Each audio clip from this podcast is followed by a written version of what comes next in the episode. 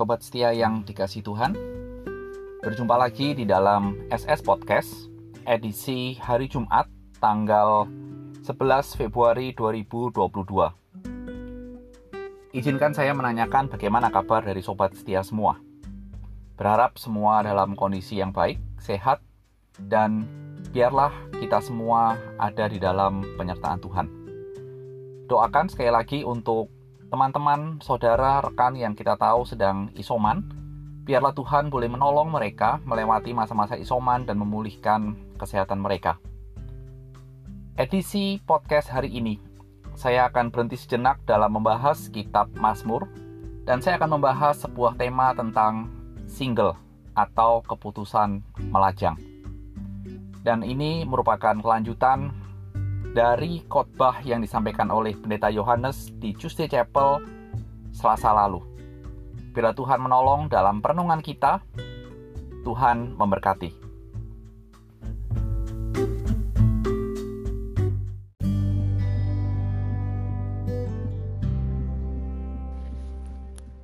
Mari kita terlebih dahulu berdoa. Tuhan, biarlah perenungan hari ini melengkapi pemahaman kami tentang apa yang Alkitab ajarkan secara khusus berkaitan dengan keputusan untuk melajang. Kiranya Tuhan memberkati kami semua dengan perenungan singkat ini. Dalam nama Tuhan Yesus, amin. Sobat setia, pembahasan kali ini saya akan landaskan kepada 1 Korintus pasal yang ketujuh. Dan saya tidak membacakan ayatnya semuanya, tapi silahkan sobat setia untuk menyingkapi melihat bagian ini. Pendeta Yohanes telah membahas panjang lebar dalam kaitannya kitab 1 Korintus pasal yang ketujuh dan hari ini saya akan memfokuskan kepada satu topik yaitu keputusan untuk melajang. Saya mengajak kita pertama-tama melihat pembahasan ini kita akan lihat secara biblika dan dalam sebuah kacamata grand naratif ada creation, fall, redemption, consummation – penciptaan, kejatuhan dalam dosa, penebusan, dan pengenapan. Oleh karena itu, saya mengajak kita untuk melihat dari kejadian 2 ayat 18 terlebih dahulu. Di mana dalam fase penciptaan ini, Tuhan Allah berfirman, tidak baik kalau manusia itu seorang diri saja. Aku akan menjadikan penolong baginya yang sepadan dengan dia. Jadi, kalimat ini diucapkan bukan oleh seseorang, bukan oleh saya atau siapa pun, tetapi Tuhan sendiri yang mengucapkan bahwa tidak baik kalau manusia itu seorang diri. Nah, di dalam bagian ini, kita perlu melihat dan memperhatikan beberapa poin yang kita percaya bahwa poin ini muncul dari bagian ini. Satu, yang harus kita benar-benar lihat sebagai wadahnya, ini ada di dalam sebuah fase penciptaan dan di dalam fase penciptaan ini, ini adalah rancangan Tuhan bagi umat manusia. Jadi, tidak baik seorang diri adalah sebuah kalimat dari Tuhan dan itu rancangan bagi Tuhan, makanya Tuhan mencipta Hawa. Kedua, Sikon saat itu belum ada dosa. Jadi, mohon ini menjadi sebuah perhatian kita bahwa belum ada dosa yang masuk ke dalam ciptaan. Dan yang ketiga adalah yang seperti saya sebut di atas, Tuhan memberikan penolong kepada Adam yaitu Hawa. Ini fase yang terjadi.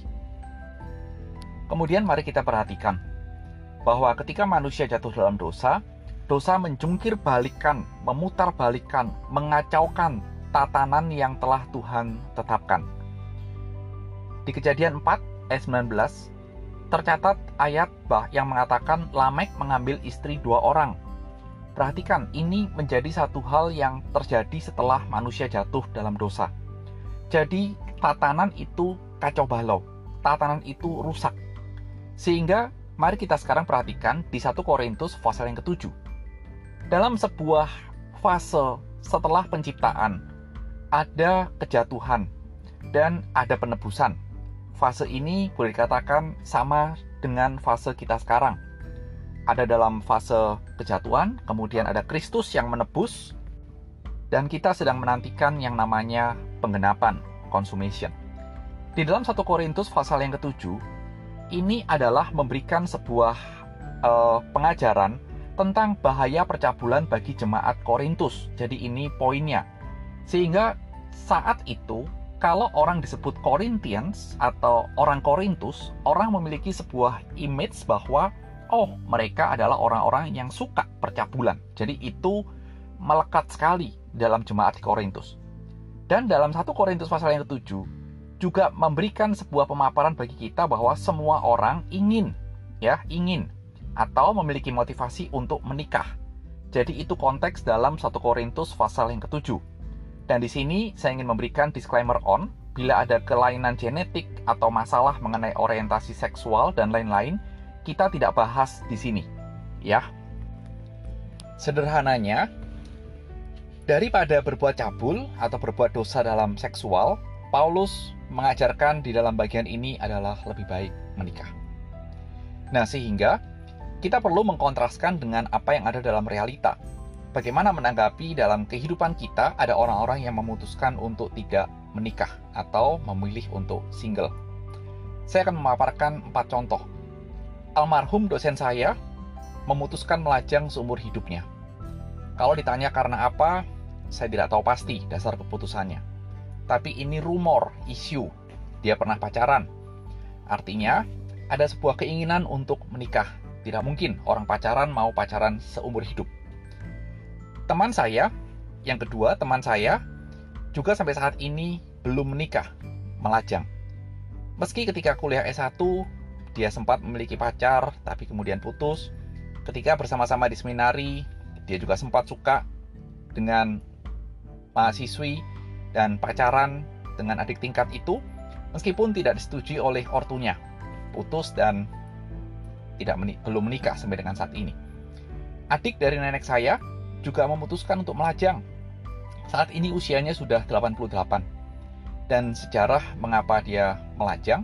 Karena ketika masa mudanya, pacaran ditinggal oleh pacarnya. Dia sakit hati, sehingga mengatakan, ogah pacaran lagi, kapok. Akibatnya, ya tidak menikah. Begitu. Ada juga yang ingin menikah, tapi karena berbagai macam faktor dan harus diakui tidak mudah untuk mendapatkan pasangan, Sampai saat ini dia belum menemukan pasangan dan belum menikah. Jadi ada banyak faktor yang membuat seseorang untuk memutuskan melajang. Jadi kita tidak bisa menghakimi, kita tidak bisa uh, boleh katakan menyalahkan, ada begitu banyak faktornya. Sehingga pertanyaan yang mesti kita pikirkan lebih lanjut adalah apakah ini membuat orang ini yang memutuskan melajang itu berdosa sehingga tidak diselamatkan? Oh, Tentu tidak. Karena apa? Dalam Alkitab, Tuhan Yesus menggunakan lembaga pernikahan. Itu jelas sekali untuk menggambarkan indahnya hubungan Tuhan dengan jemaatnya. Sehingga orang yang memutuskan untuk melajang tidak bisa menikmati itu karena tidak menikah. Dan akan menikmati keindahan relasi itu nanti langsung ketika dia bertemu dengan Tuhan. Kira-kira, oh seperti inikah? Seperti ini loh indahnya relasi dengan Tuhan dalam konteks dalam sebuah perlambangan pernikahan. Sobat setia, penebusan Kristus bagi kita mengembalikan keindahan relasi suami istri dalam kejadian pasal yang kedua. Ketika Adam mengatakan, inilah tulang dari tulangku dan daging dari dagingku. Bukankah ini kalimat yang sangat romantis? Sehingga kalau dalam pernikahan isinya cekcok, konflik, dan tidak bisa menikmati indahnya relasi dalam pernikahan, hal itu akan menjadikan suatu pertanyaan yang besar. Ada apa? Dan muncul pertanyaan-pertanyaan yang lain dan efek-efek yang lain. Sehingga saat, saat ini, Sobat Setia, saya mengajak kita melihat bahwa penebusan Kristus harus menjadikan kita sebagai new people, manusia baru, untuk bisa hidup tidak berbuat dosa. Meskipun kita melihat bahwa dalam kehidupan kita semua tidak bisa 100% bebas atau boleh katakan tidak berbuat dosa. Kita pasti ada salah, pasti ada perbuatan dosanya. Dalam pemahaman seperti itu, keputusan melajang bukanlah sebuah keputusan yang mudah. Meski tidak sesuai dengan tatanan awal di kejadian dua, tapi bersyukurlah karena keputusan itu tidak ada kaitannya dengan keselamatan yang Tuhan anugerahkan kepada kita. Ingat, keselamatan adalah 100% anugerah dari Tuhan untuk umatnya. Oleh karena itu, baik yang memutuskan menikah atau yang memutuskan untuk melajang, biarlah penebusan Kristus di atas kayu salib memampukan dan menjadikan kita manusia baru yang mampu memuliakan Tuhan melalui status apa pun yang Tuhan izinkan untuk kita hidupi. Selamat berakhir pekan, selamat merenungkan, dan Tuhan memberkati.